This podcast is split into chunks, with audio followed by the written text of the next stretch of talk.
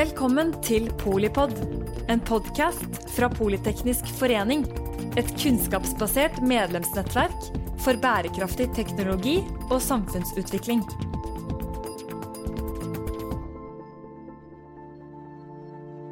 I dag så har vi eh, skal vi si, både bedriftsmedlem og eh, mangeårig eh, Politeknisk foreningsmedlem og del av styret i PF Energi, Eivind Magnus, til å ta oss gjennom eh, programmet. Så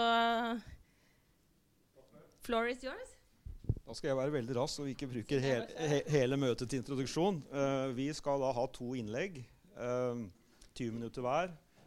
Uh, og så blir det selvfølgelig da anledning til å stille spørsmål etter presentasjonene.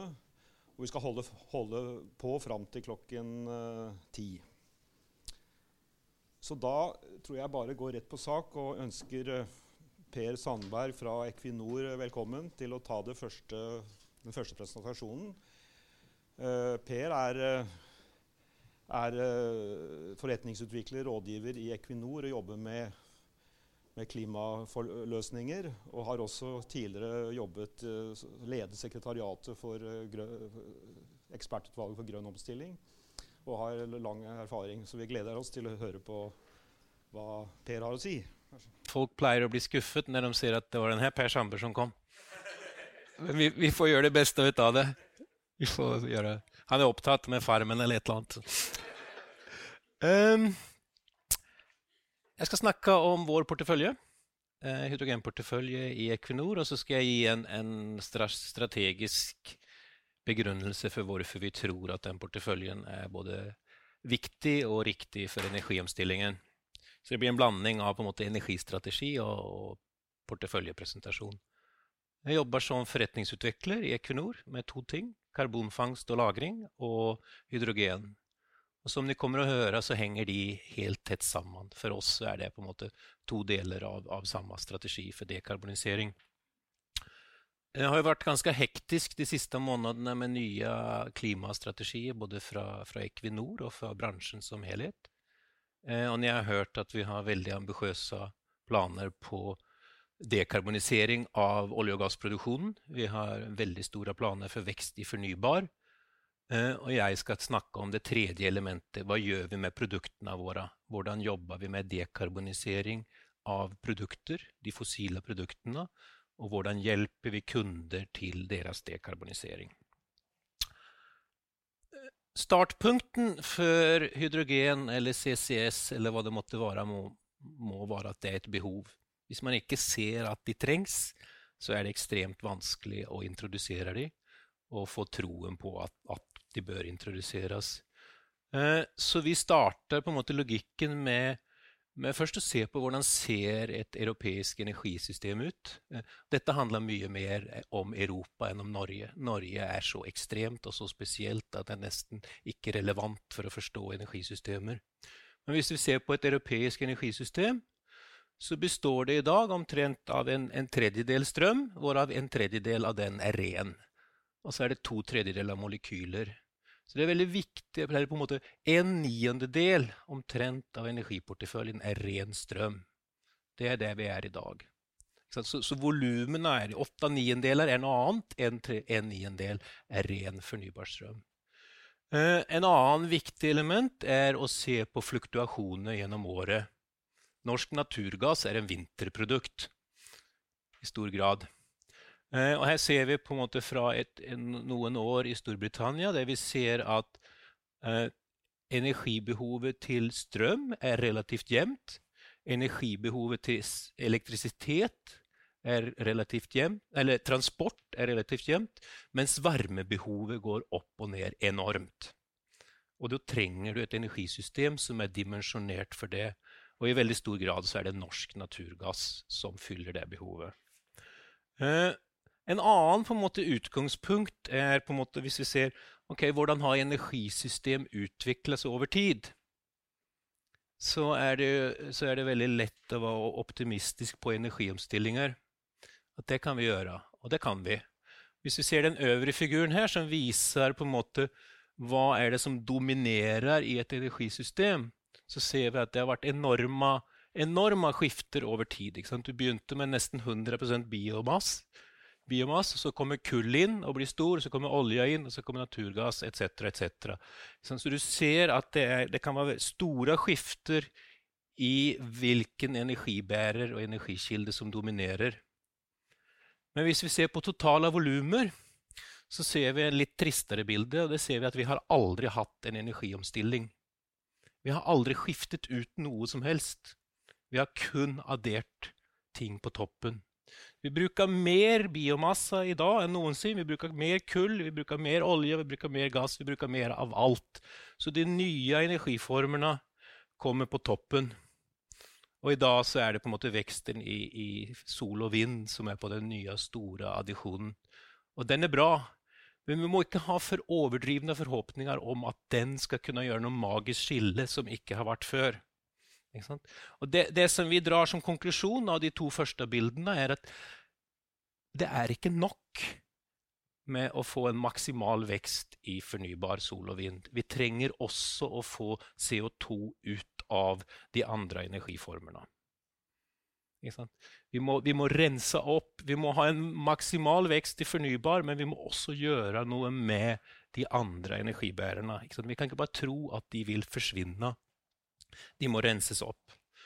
Eh, og da har vi på en måte lagd en, en, en nokså strategisk, men enkel figur, som, som, er Hvis du ser, dette er verdens energisystem, og, og det er cirka, omtrent en fjerdedel på de fire store områdene. En fjerdedel av energien går til varme, fjerdedel til industri, fjerdedel til kraft og en fjerdedel til transport. Det er omtrent det, på en måte det, det bildet vi ser i verden. Og så har vi på en måte strukturert ulike typer av energibruk her. Fra venstre, ting som er lett å elektrifisere, til over mot høyre som ting som er vanskelig å elektrifisere. Og på en måte dekarbonisere gjennom elektrifisering.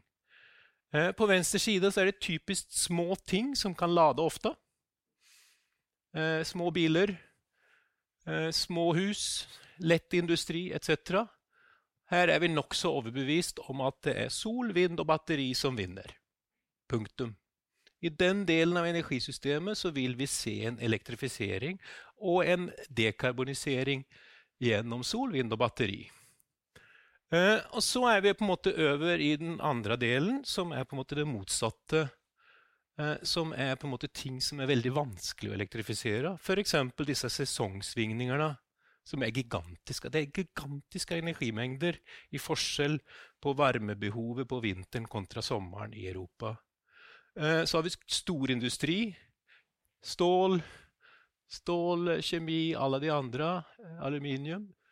Eh, andre metaller. Sement som er Energimengdene er så store, og en del av prosessene går ikke å elektrifisere.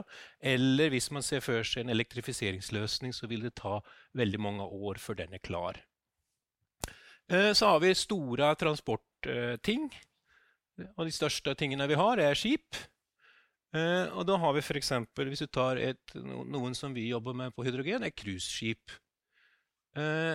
Og så sier man de kan vel også elektrifiseres? Ja, det kan de. Du kan kjøre, du kjøre cruiseskip på batteri. Og en beregning viser at det kan, hvis du lader opp med de beste, Tesla Panasonic, så har du omtrent to-tre timers drift på et cruiseskip. Men de ønsker 14 dagers autonomi. Så det er på en måte en mismatch mellom å ha behov for 14 dager og kunne få to-tre dager. Så sier vi ja, men batteriene blir bedre. Eller si at de blir dobbelt så bra. Da Da har du seks timers autonomi. Men det er fortsatt ganske langt til, til på en måte 14 dager. Så det vi, det vi sier da som strategi, er at en dekarboniseringsstrategi må begynne i begge endene samtidig. Du må ha maksimalt trøkk på den siden her Sol, vind, batterier. Og det har vi. Stort, det er stort trøkk på den siden. Og det er stor suksess. Fantastisk suksess. Og vi, i Equinor bidrar primært gjennom offshore vind. Det er vårt primære bidrag. Jeg har sett tallene på, på enorme vekstambisjoner på det. Det er vårt bidrag her. Og batterier og lagringer, hvis det er godt og godt. Vi må ha maksimalt trøkk der, og vi må ha maksimalt trøkk fra andre siden. Og der er det mindre av i verden i dag. Du må måtte starte. Og, da, og så er på en måte spørs, det egentlig det spennende spørsmålet er hva som vinner i midten. Blir det en elektrifisering, eller blir det de andre? Eh, det får vi se, da. Det får vi se. Hvor bra blir de løsningene derfra, og hvor bra blir de løsningene som kommer fra andre siden. Kan ikke, vi kan ikke sitte og vente på at sol og vind skal penetrere gjennom hele systemet, og at vi dermed får en ren verden. Sorry, klimakrisen er mye mer akutt enn så. Og energivolumene og utslippsvolumene er altfor store før å på en måte ha en sånn la oss, la oss vente til det her har vunnet gjennom hele systemet. Og i en del fall så, så er det umulig i tillegg. Der har eh, det er, på en måte, det er vårt strategiske argument. Jeg er ganske mye nede i Brussel og snakker med EU-organ. Og det er på en måte vårt store, store ønske da, som vi kommer med, at vi må ha en strategi som begynner i begge endene. Eh, for hver måned så, blir, så, er vi mer og mer fornøyd med EUs strategiske tenkning på klima og energi. Det har vært store forbedringer de siste én til to årene. Forut så var, mente vi det var i altfor stor grad en overdriven tro på, på fornybar alene. Nå ser vi en mye mer balansert bilde. Eh, og en viktig driver til det er når man setter seg nullutslippsmål. For når man begynner å sette målet skal være null, ikke 40% eller 50% så blir det en helt annen rasjonale. Da må man finne løsninger for hele systemet. Så det var liksom den store strategiresonnementet. Så det vi trenger, er energieffektivitet, vi trenger rene elektroner, og vi trenger rene molekyler. Eh, og for oss, hvis vi ser på rene molekyler, hva kan det gjøre? Jo, karbonfangst og -lagring er én viktig. Alt som er biomassebasert, er rene molekyler fra et CO2-perspektiv, mener vi.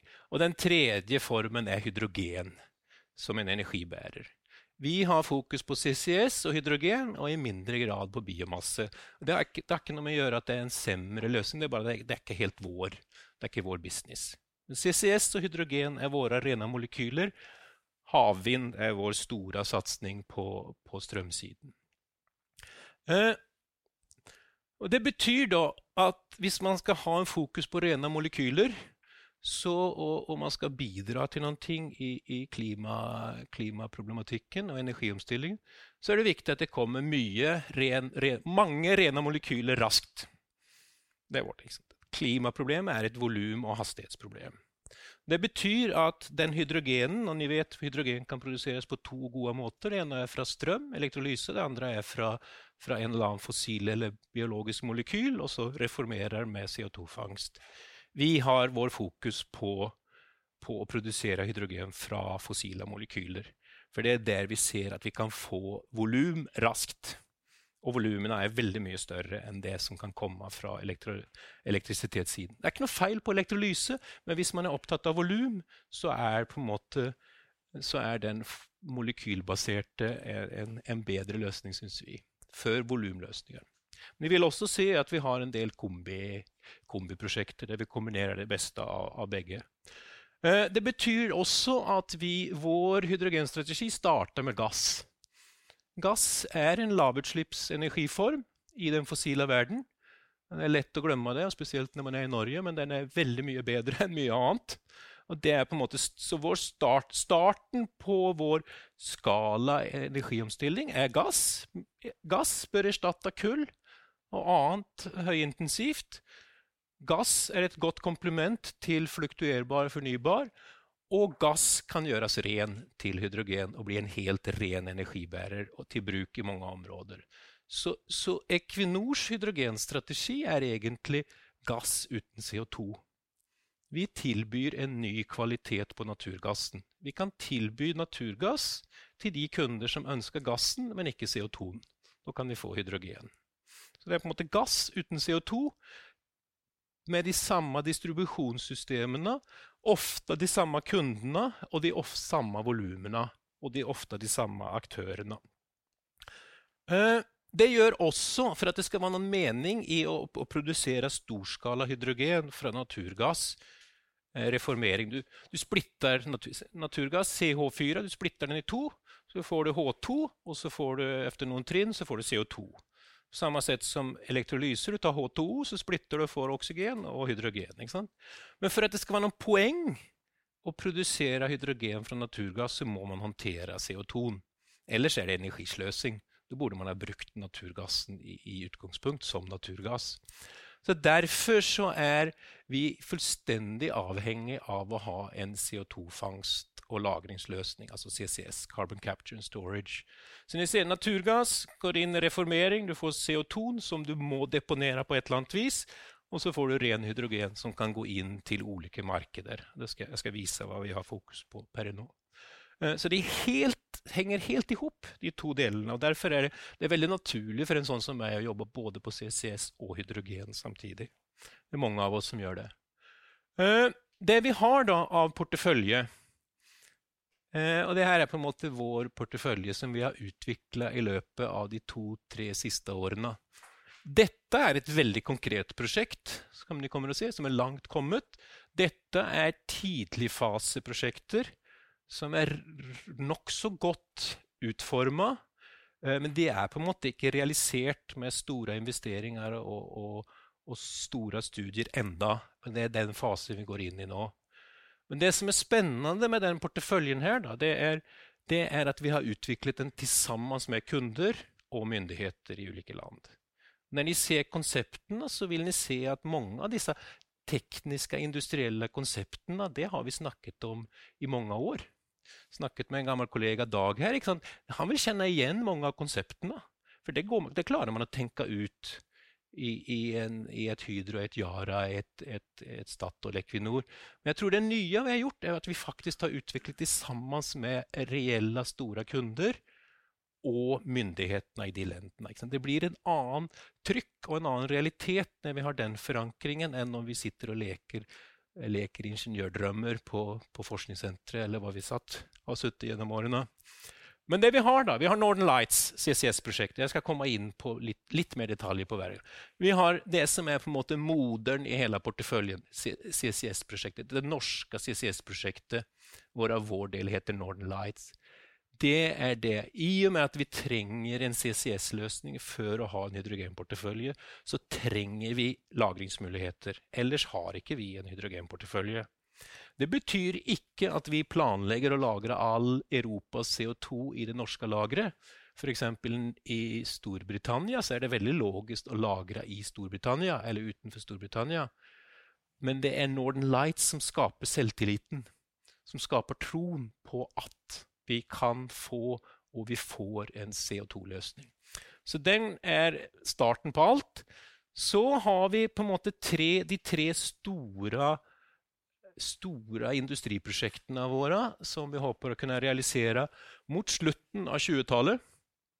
Det her er seks-sju år fram i tid. Det er fortsatt ekstremt raske beslutningsløp for å kunne realisere det her, for det er så store volumer. Det ene er i Humber-området i Yorkshire i Storbritannia, som er det industrielle måte hjertet i Storbritannia. Størst CO2-utslipp, størst energiforbruk. Uh, der jobber vi sammen med industrien om å dekarbonisere hele industriområdet. Zero Carbon Humber i 2040. CCS, fornybar, hydrogen, biomolekyler i en god, salig blanding erstatter dagens eh, utslippsindustri. Og man beholder industriområdet der man har det. Det er på en måte ett stort. I Tyskland jobber vi sammen med ThyssenKrupp og det som heter Open Grid Europe, som heter Rurgas forut, som er på en måte en av de store gassdistributørene, om å dekarbonisere hele stålproduksjonen til ThyssenKrupp Eh, det er ikke noen liten sak i Duisburg, stålverket der. Og De bruker i dag kull som energikilde og reduksjonsmiddel, og de ser for seg å erstatte begge, begge brukene av kull på sikt med hydrogen. Eh, I Nederland har vi det prosjekt som har vært kjent lengst. Det jobber vi med Vattenfall og Gassuni. Gassuni er liksom Nederlands Statnett for gass. Eh, på å konvertere et eksisterende gasskraftverk som allerede finnes, så at det skal brenne eh, hydrogen istedenfor som i dag naturgass. Hvis vi skulle ha fått konvertert alle tre løperne, og det gikk 100% så ville vi spart 4 millioner tonn CO2. I Duesburg så er potensialen 15-20 millioner tonn CO2. Så det er, liksom, det er gigantiske volumer.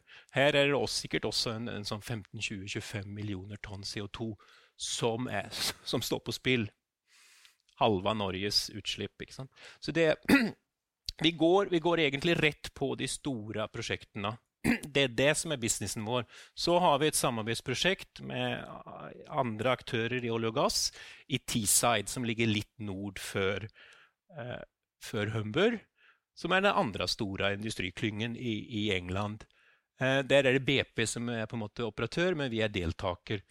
I tillegg så tror vi at eh, for at vi, partnere og myndigheter, skal tørre å investere i disse gigantprosjektene de, de, blir store, det blir, de blir store investeringer, så må vi bevise og vise hvordan hele teknologipakken ser ut. Det er ingenting vi er usikre på, egentlig. Vi vet at hydrogenreformering fungerer, vi vet at CCS fungerer, men vi vil ha høyere eh, performance.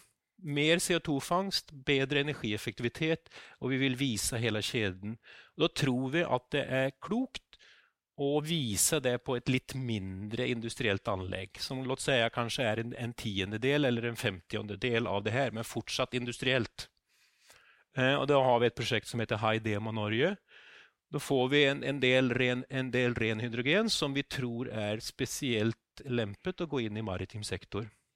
Og så har vi faktisk, før det så har vi et førprosjekt igjen som jeg skal snakke om for å begynne å bygge markedet for maritim hydrogen. Dette er porteføljen vår. Vi begynner med den her. Håper ikke jeg bruker for mye tid her. Fem minutter. ok? Da blir det en rush. Ja. Northern Lights. Northern Lights er en del av det norske eh, CCS verdikjedeprosjektet, som er initiert av staten, og hvor Gassnova på en måte holder orden på aktørene to norske fangstanlegg, Norcem og Klemetsrud. Eh, vi sammen med Shell og Total i et, et veldig tett partnerskap. Eh, mye tettere enn det som er lisensene i Nordsjøen. Vi tar sikte på en joint venture. Vi utvikler transport- og lagerløsningen. Og det er en skipsbasert løsning.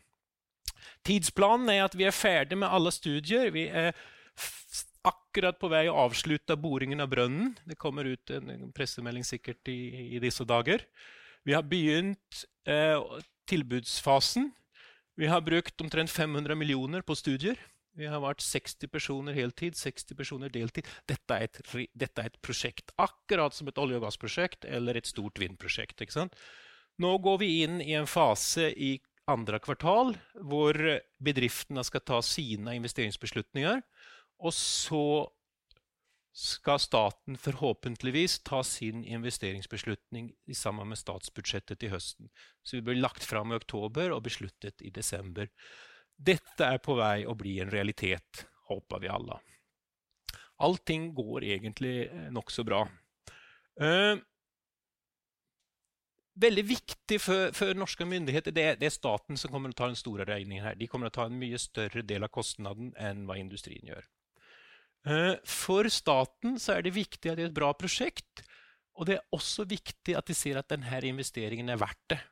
At det kommer å bli brukt. Derfor så hadde vi eh, julaften 5.9. i år. Når vi fikk signert når Eldar Sætre signerte eh, samarbeidsavtale med syv europeiske bedrifter om at vi skal til sammen jobbe for at de skal kunne levere CO2 til oss. Eh, Air Liquid er en av de. Air Liquid er vel det jeg mener verdenslederen på hydrogen. Dels på hydrogenteknologier, hydrogenproduksjon, men ikke minst på å bygge hydrogenmarkedet. Så jeg er veldig glad at de var en av de, og de ser de kan levere mange millioner tonn CO2, og det er fra deres hydrogenproduksjon.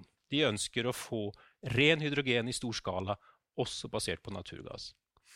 Eh, det som er nytt med Northern Lights, og det ser vi en enorm potensial i gamle CCS-prosjekt var ett fangstanlegg, ett lager. Det var, liksom, det var et fangst, en pipeline, ett lager. Et ganske sånn stiff system. Det som vi tilbyr nå, og de andre europeiske CCS-prosjektene, er noe helt annet. Vi bygger et ekosystem. Vi har ett lager som gjør det mulig for mange aktører å fange CO2, og vi kan tilby lagre. CCS er lagerbegrenset. Det er ikke CO2-begrenset. Og det er, ikke, det er, ikke, geologiske lager som sådan, det er på en måte å tilby lagre. Det er begrensningen. Og det vi gjør da, det vi ser, er at, at bare i Nord-Europa og Østersjøen så er det ca. 350 industrianlegninger med 300 millioner tonn som, er, som vi kan nå med våre skip fra bergensområdet og hente CO2. Uh, og vi er nå i diskusjon med noenstans mellom 30 og 35 av disse. 10% Allerede har vi seriøse samtaler om, om hvordan skulle en industriell løsning se ut der vi henter deres CO2. Så vi har fått en, har fått en, en innovasjonsmodell der vi ser for oss framtiden enn på en måte et ekosystem. Og det trenger vi. Hvis vi skal nå klimamålen, så trenger vi at CCS blir en suksess av denne typen. Og da vil vi ha Det vil nå bli lager i Norge, Storbritannia og Nederland. Det er på en måte supermaktene på CO2-lagring i utgangspunkt. Over tid, når vi får mer tillit til det, så håper vi å se lager i Tyskland, i Danmark, i Baltikum, i Irland. Men det må vi bygge tilliten. Vi vil ha mange fangststeder. Og vi vil ha små skip, store skip og pipeline. Det vil se ut omtrent som et gassystem eller et strømsystem. Det må bli et ekkosystem.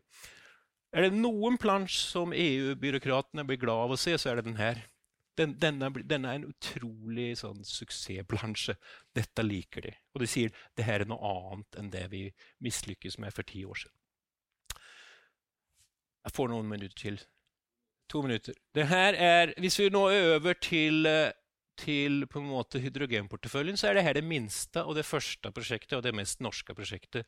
Her har vi fått finansiering av myndighetene i det Pilot-E-programmet for å begynne å utvikle en hel verdikjede for flytende hydrogen. Til tre kunder Viking Cruise, Norled, eh, Wilhelmsen. Og vi er tre til, altså produsenter. Equinor, Air Liquid og BKK. Og vi ser for oss å produsere hydrogen raskt i bergensområdet Eh, gjennom en kombinasjon av elektrolyse og benytte oss av eksisterende hydrogen som finnes. På sikt så vil vi kunne oppskalere med hjelp av gass og CCS. Men har, vi har på en måte mer travelt. Bruk hurtigbåter. Bergen-Sogn er det første kontraktet som kommer å bli utlyst og tildelt i år. Eh, det tar vi sikte på sammen med Norled. Eh, Wilhelmsen har noen konsepter. Dette er veldig spennende. De, de, de er interessert i hydrogen for eh, nullutslippslogistikk. Blant annet så prøver de å få oss til å flytte en del av base-til-base-logistikken fra lastebil over til sjø. Og det er på en måte en konseptskisse hvordan det skulle se ut. Pen sak. Det er vel i Os eller Bjørnafjorden eller noe sånt. Uh, Humber, det jeg sagt om, det er et helt industriområde det som vi skulle tatt Herøya ganger ti, og tenke oss hvordan kan vi til sammen dekarbonisere hele området trinnvis. Eh, det er en god blanding av hydrogen fra naturgass med reformering, eh, litt grønn hydrogen. Dette er på en måte Veldig mye av vindkraften fra Nordsjøen kommer inn her. Eh, det er biomolekyler, det er alt mulig. Og vi har tatt en slags dirigentrolle sammen med eh, lokale eh, National Grid. Storbritannia, ThyssenKrupp, eh, Open Grid. Det er veldig ofte vi, vi, vi, ender opp med denne konstellasjonen. Equinor vi tilbyr gass og CO2-håndtering. Vi har en gassoperatør som tilbyr gasshåndtering, gasslagring, enten CO2, hydrogen og gass. Og vi har en industriell sluttkunde, ThyssenKrupp i dette fallet. Eh, de ligger ganske langt inn i Tyskland, inn i hjertet av rorområdet, Og der ønsker de at stålverket skal fortsette å ligge. Eh, så der er det på en måte logistikk. Hvordan håndterer vi hydrogen og CO2? Her skal hydrogenet brukes. Her lander naturgassen fra Nordsjøen. Men vi kan ha reformeringen ved kysten eller hos fabrikken. Og vi kan enten transportere gass eller hydrogen eller CO2. Det er siste plansjen. Så det vi ser for oss når det gjelder hydrogen, og det her er på en måte de ulike typene av hydrogen, da, det, det, er at per i dag så produseres 97% av all verdens hydrogen fra naturgass uten CCS. Eh, vi ser for oss at eh, den store volumstarten og den tidlige bølgen med hydrogen må være basert på naturgass med CCS, så du får en vekst. Parallelt så har du en vekst i elektrolysehydrogen. Tror vi får høre mer fra, fra temaet om det. Og på sikt, når gassen begynner å ta slutt, og når vi, når vi reelt sett begynner å få nok rene molekyler, så vil også elektrolysebasert hydrogen kunne bli en, en volumprodukt.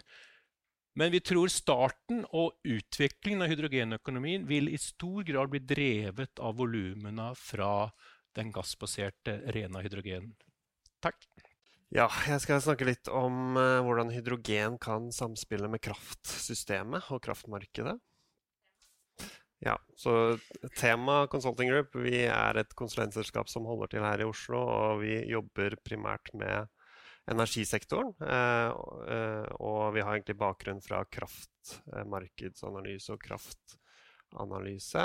Eh, og samfunnsøkonomisk analyse av kraftsektoren.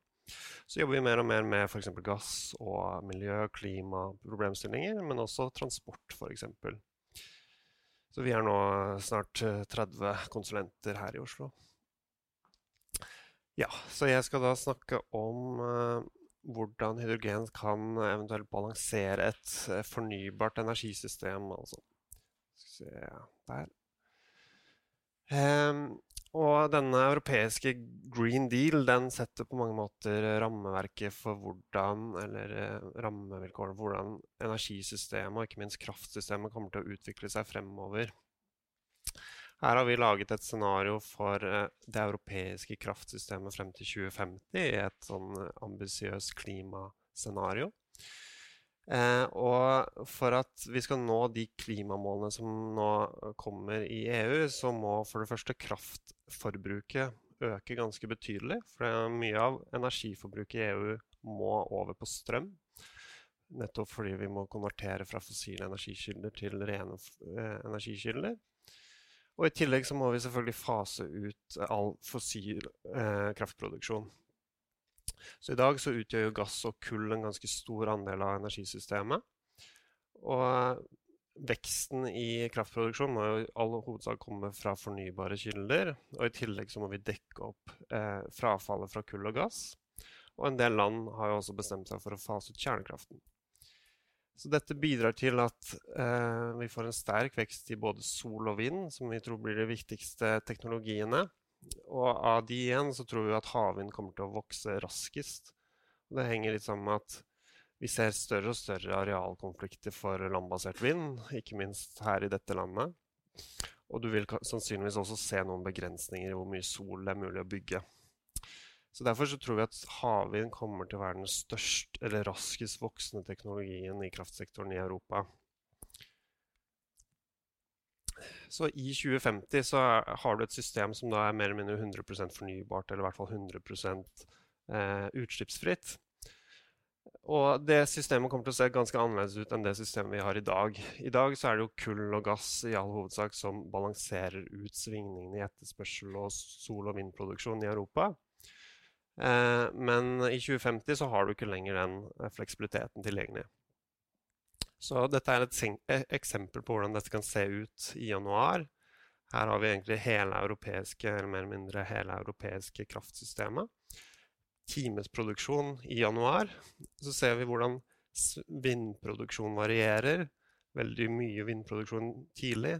Her er det lite vindproduksjon, og så får du mye vindproduksjon igjen. Så det er en større og større mismatch mellom forbruket og produksjon, kraftproduksjon. Litt av vannkraften kan kanskje respondere, sånn som her i Norge, men når vi ser på Europa som en helhet, så har de ikke nok vannkraft til å balansere ut hele kraftsystemet. Så spørsmålet blir jo selvfølgelig hvordan kan vi ta i bruk denne overskuddsenergien i de periodene med mye vind? Og hvordan kan vi dekke det gapet som oppstår når det ikke blåser, eller når det ikke er nok solproduksjon? I tillegg til det så kommer vi til å få en annen utfordring i kraftsystemet. Eh, fordi vi får en økende andel av havvind spesielt, men også mer sol. Og det kan oppstå en del områder i Europa hvor eh, det er vanskelig å frakte denne overskuddsenergien til forbrukspunktet. Eh, og et godt eksempel på det ser vi allerede i dag i Tyskland. For i Tyskland så produserer de veldig mye vindkraft i nord. I tillegg så har de litt offshorevind som, som lander i nord. Eh, men mye av forbruket er i sør. Så I Tyskland i dag så har de ganske store problemer med å håndtere denne ubalansen i landet. Eh, de, klarer, de har problemer med å frakte nok energi fra nord i landet til sør i landet. Og til det så trenger man selvfølgelig kraftnett. Eh, og det er planer om å øke kapasiteten i kraftnettet, men denne utviklingen går ganske tregt. Eh, så det er planer om ganske store prosjekter for å forbinde nord og sør i Tyskland, men alle disse prosjektene er veldig forsinket.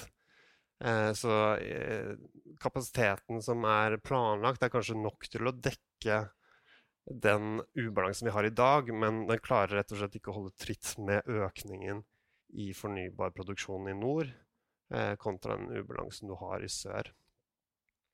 Og Grunnen til at dette oppstår, er jo selvfølgelig da eh, at du får mer og mer fornybar produksjon som er ganske langt fra forbrukspunktene. Så Tyskland er bare et eksempel på dette. For det når havvindkapasiteten skal øke fra nesten null i dag til opp mot 450 gigawatt i 2050, så kommer denne, dette problemet bare til å bli større og større. Eh, I dag så er jo kullkraften og gasskraften lokalisert mye nærmere forbrukspunktene. Eh, så for at man skulle transportere kraft på samme måte som i dag, så måtte du bygge enorme mengder med kraftnett. Og det blir jo ikke noe bedre av at det blir større og større arealkonflikter på land, sånn som vi ser her i Norge. Man er mindre og mindre villig til å bygge vindkraft på land. Eh, og da må man altså ut i sjøen. Og på samme måte så er det jo sånn at solkraft er selvfølgelig en lovende teknologi, men det er jo best forhold for sol langt sør i Europa. Og det vil jo også bli arealkonflikter der, så det kan bli økende avstand mellom eh, produksjon og forbruk, også pga. solenergi. Og denne problemstillingen tror vi bare kommer til å vokse. Eh, på samme måte som at det er vanskelig å få gjennomslag for å bygge vindmøller på land, så er det også ganske vanskelig å få gjennomslag for å bygge nett, kraftnett på land. Så vi trenger altså noen nye former for fleksibilitet. Vi trenger både denne fleksibiliteten for å ta i bruk overskuddsenergien og flytte den energien til de periodene hvor det er lite eh, fornybar kraftproduksjon. Og så trenger vi i tillegg å kunne frakte energien fra der den produseres, til de områdene hvor den skal forbrukes. Um, og i kraftsektoren så finnes det selvfølgelig noen ulike typer for fleksibilitet. Altså her i Norge så har vi mye vannkraft, eh, så vi er veldig heldige med det. men i Europa så ha, har du ikke nødvendigvis eh, tilgang på masse ny storskala vannkraft. Eh, så dette er et bilde som tegner noen ulike alternativer for ny fleksibilitet i kraftsektoren. Og mange snakker om batterier, som er en, en lovende teknologi. Eh, utfordringen med batterier er at du kan lagre ganske små energimengder over relativt kort tid. Eh, vindproduksjonen f.eks. den tenderer jo mot å eh, være stor i enkeltuker eller enkelte måneder og være mindre i andre uker. Sånn at du må kunne frakte da, eller eh, lagre energi fra noen uker til andre uker. Batterier er veldig dårlig egnet til det. Du kan ikke på en måte lagre overskuddsenergien fra to uker og flytte den til to uker seinere. Eh, batteriet kan heller være med å justere på en måte svingning, eller utjevne svingninger på veldig kort sikt, sånn at vi får en stabil frekvens i kraftnettet, f.eks. Eh, pumpekraft kan være en mulig løsning, men det også har ganske store miljøkonsekvenser. Og i tillegg så er jo potensialet begrenset for ny pumpekraft.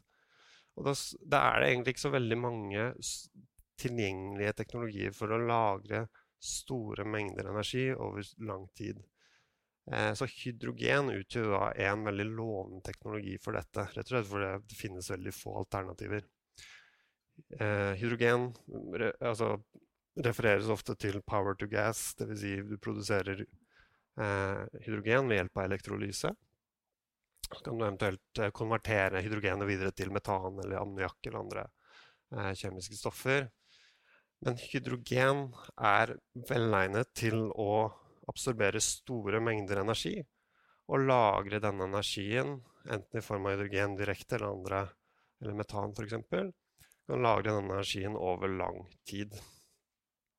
Og denne type fleksibilitet tror vi blir veldig mye verdt i fremtiden dersom vi skal nå et 100% utslippsfritt kraftsystem. Vi ser at det oppstår veldig mange hydrogenprosjekter også i kraftsektoren. Veldig mange land i Europa spesielt satser på hydrogen i kraftproduksjon. Eller bruker kraft til å produsere hydrogen.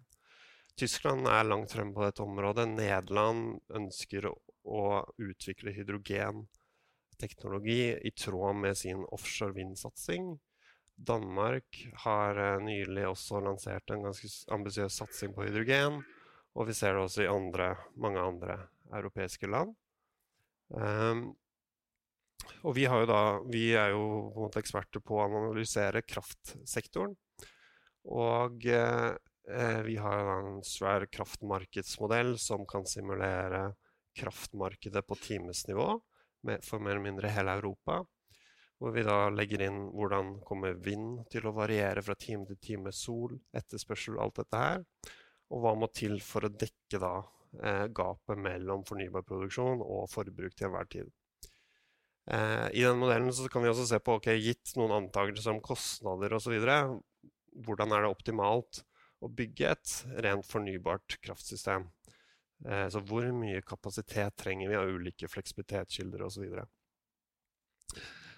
Så, vi har benyttet denne modellen. Eh, I tillegg har vi en modul som kan modellere på en måte et marked for hydrogen. Eh, så det vil si at vi kan produsere hydrogen ved hjelp av elektrolyse. Og tilbake igjen eventuelt eh, benytte hydrogenet til å produsere kraft ved hjelp av enten brenselceller eller gassturbiner. Og på toppen av det kan vi også modellere da blått hydrogen, som det var snakk om da i forrige presentasjon. Altså kan, hvordan er samspillet eventuelt mellom grønt hydrogen, som er produsert ved hjelp av elektrolyse, og blått hydrogen, som er produsert ved hjelp av eh, naturgass. Um, så når vi gjør disse simuleringene da, for 2050, så ser vi at hydrogen kan være en veldig nyttig og kostnadseffektiv teknologi for å dekke inn denne fleksibiliteten som er helt nødvendig i kraftsektoren. Her har vi på en måte prøvd å illustrere dette ved hjelp av eh, produksjon og forbruk i kraftsektoren i Tyskland i januar 2050. Dette er selvfølgelig bare et eksempel på hvordan eh, forbruk og, og, produksjon kan variere, men dette er jo basert på eh, vind og, og vær, eh, som er observert tidligere. Så det vi ser her, er jo vindproduksjonen i lyseblått, eh, som varierer igjen. Her har vi en periode med veldig lite vindproduksjon, og så har vi en periode på slutten her med veldig stor vindproduksjon. Og i dag så er jo kraftsektoren sånn at det er produksjonen som tilpasser seg svingninger i forbruket. Så når det er mye forbruk, så øker man f.eks. gasskraftproduksjonen. I et sånt eh, fornybart system som dette her, så er det litt motsatt.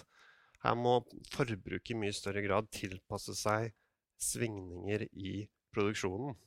Fordi all produksjonen, eller nesten all produksjonen er nå drevet av hvor mye det blåser, eller hvor mye sola skinner. Så den svarte linjen her viser nå hvordan forbruket varierer.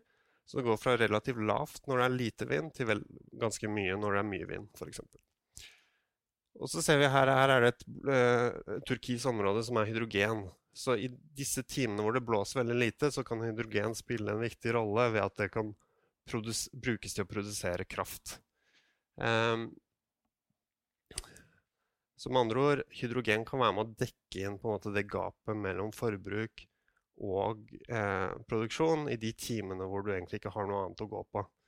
For det kraftforbruket, på grunn av, dette er om vinteren, du, du, har sannsynligvis et behov for oppvarming ved bruk av kraft. Eh, og eh, det forbruket er det vanskelig å eliminere, så derfor kan du bruke hydrogen i det tilfellet her til å produsere den kraften du trenger. Eh, når vi ser på forbrukssiden, så har du på en måte et grunnforbruk, altså et konvensjonelt forbruk, i bånn. Og på toppen av det så har du kanskje noe kilder til fleksibilitet. Det kan være at du lag, eh, pumper, altså i pumpekraft, eller at du lader batterier. Eh, men det er på en måte ikke nok til å utjevne de totale svingningene. Så i, igjen, i det turkise området her, så illustrerer vi hvordan du kan bruke elektrolyse til å produsere hydrogen i de periodene hvor det er mye vind. Så dette tilsvarer jo de siste to ukene eh, hvor det blåser veldig mye, så ser vi at du har en veldig stor hydrogenproduksjon.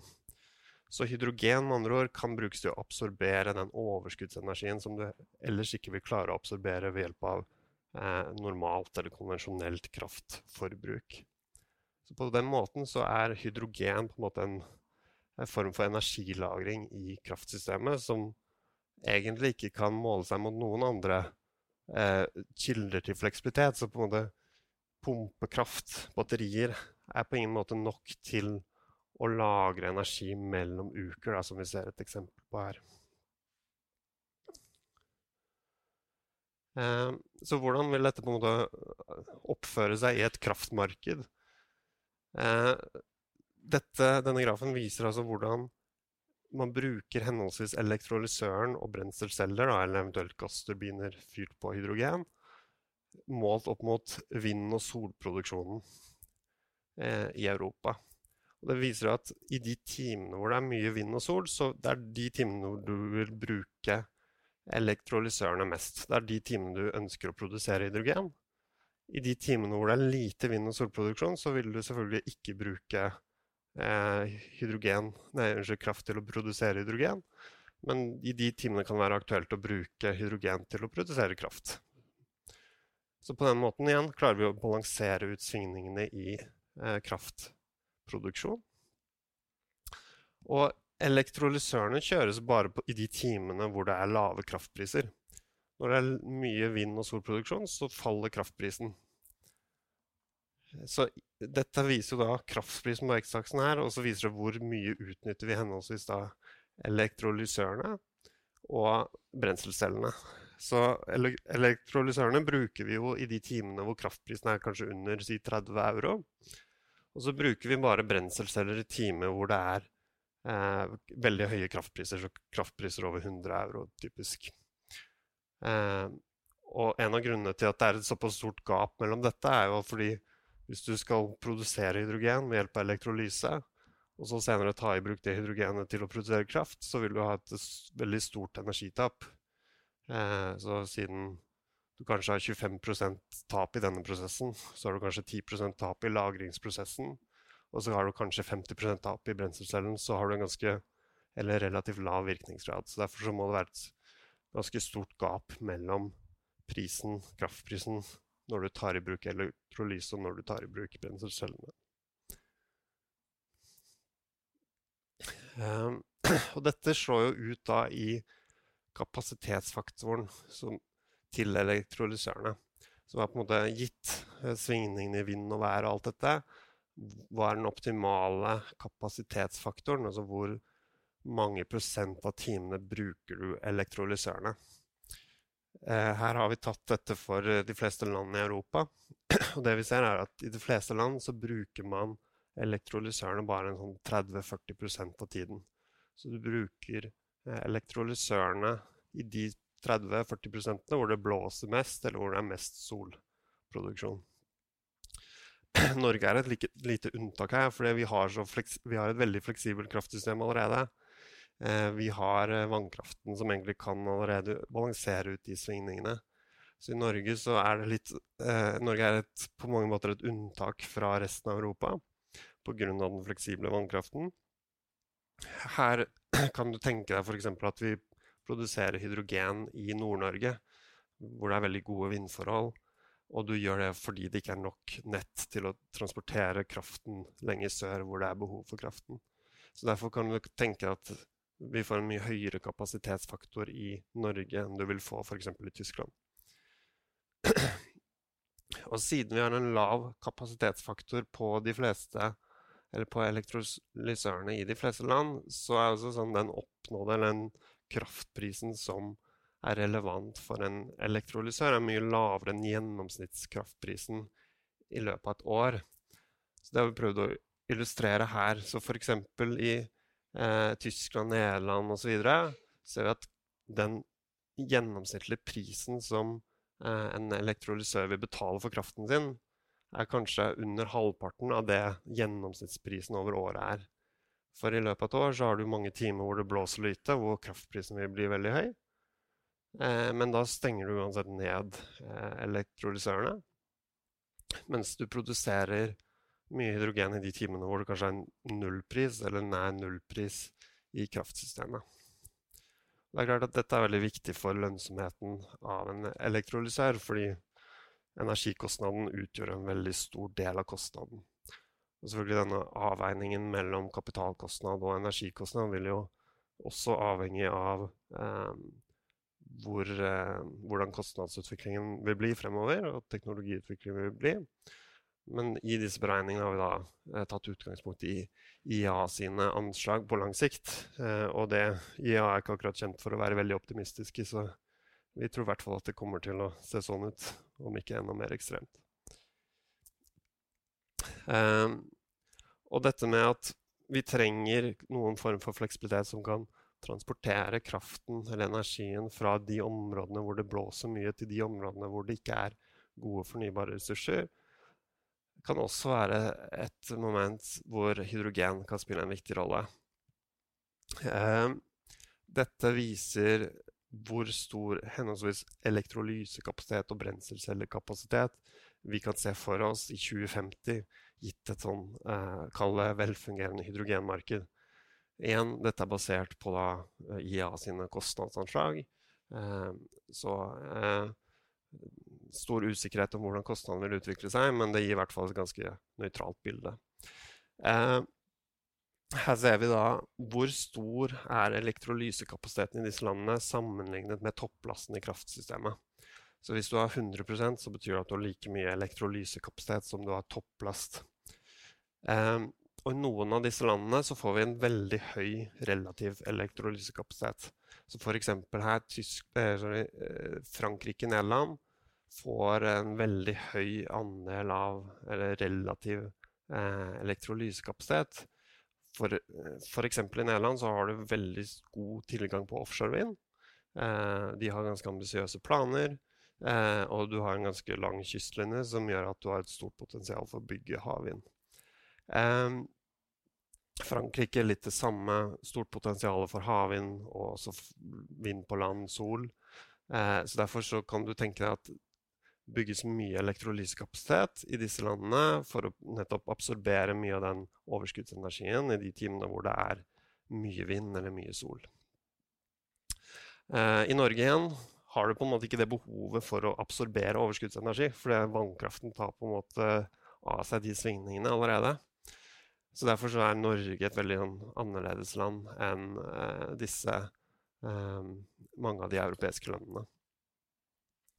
Eh, på andre siden så har vi jo da hvordan tar man i bruk hydrogen i kraftsektoren eh, ved hjelp av brenselceller. Da. Og dette kan også gjøres ved hjelp av gassturbiner. Eh, og der ser bildet litt annerledes ut. For det, i Belgia for eksempel, så har du jo Det er et veldig tett befolket land. Du har veldig liten kystlinje. Sånn at eh, potensialet for å bygge store mengder fornybar energi er ikke så stor i Belgia som i Nederland f.eks. Eh, så i Belgia så bygger du lite elektrolysekapasitet, men du bygger mye brenselcellekapasitet.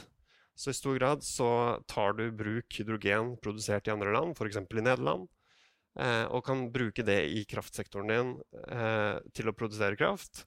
Eh, nettopp fordi du ikke kan produsere veldig store mengder med vind og sol i Belgia nødvendigvis.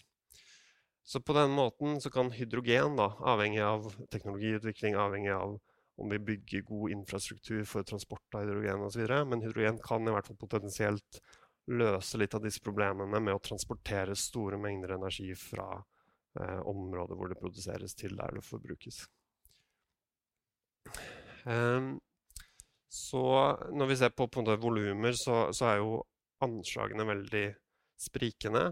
Um, for ca. et år siden så lagde EU-kommisjonen noen scenario for 2050 for hvordan kan EU oppnå målene i Parisavtalen.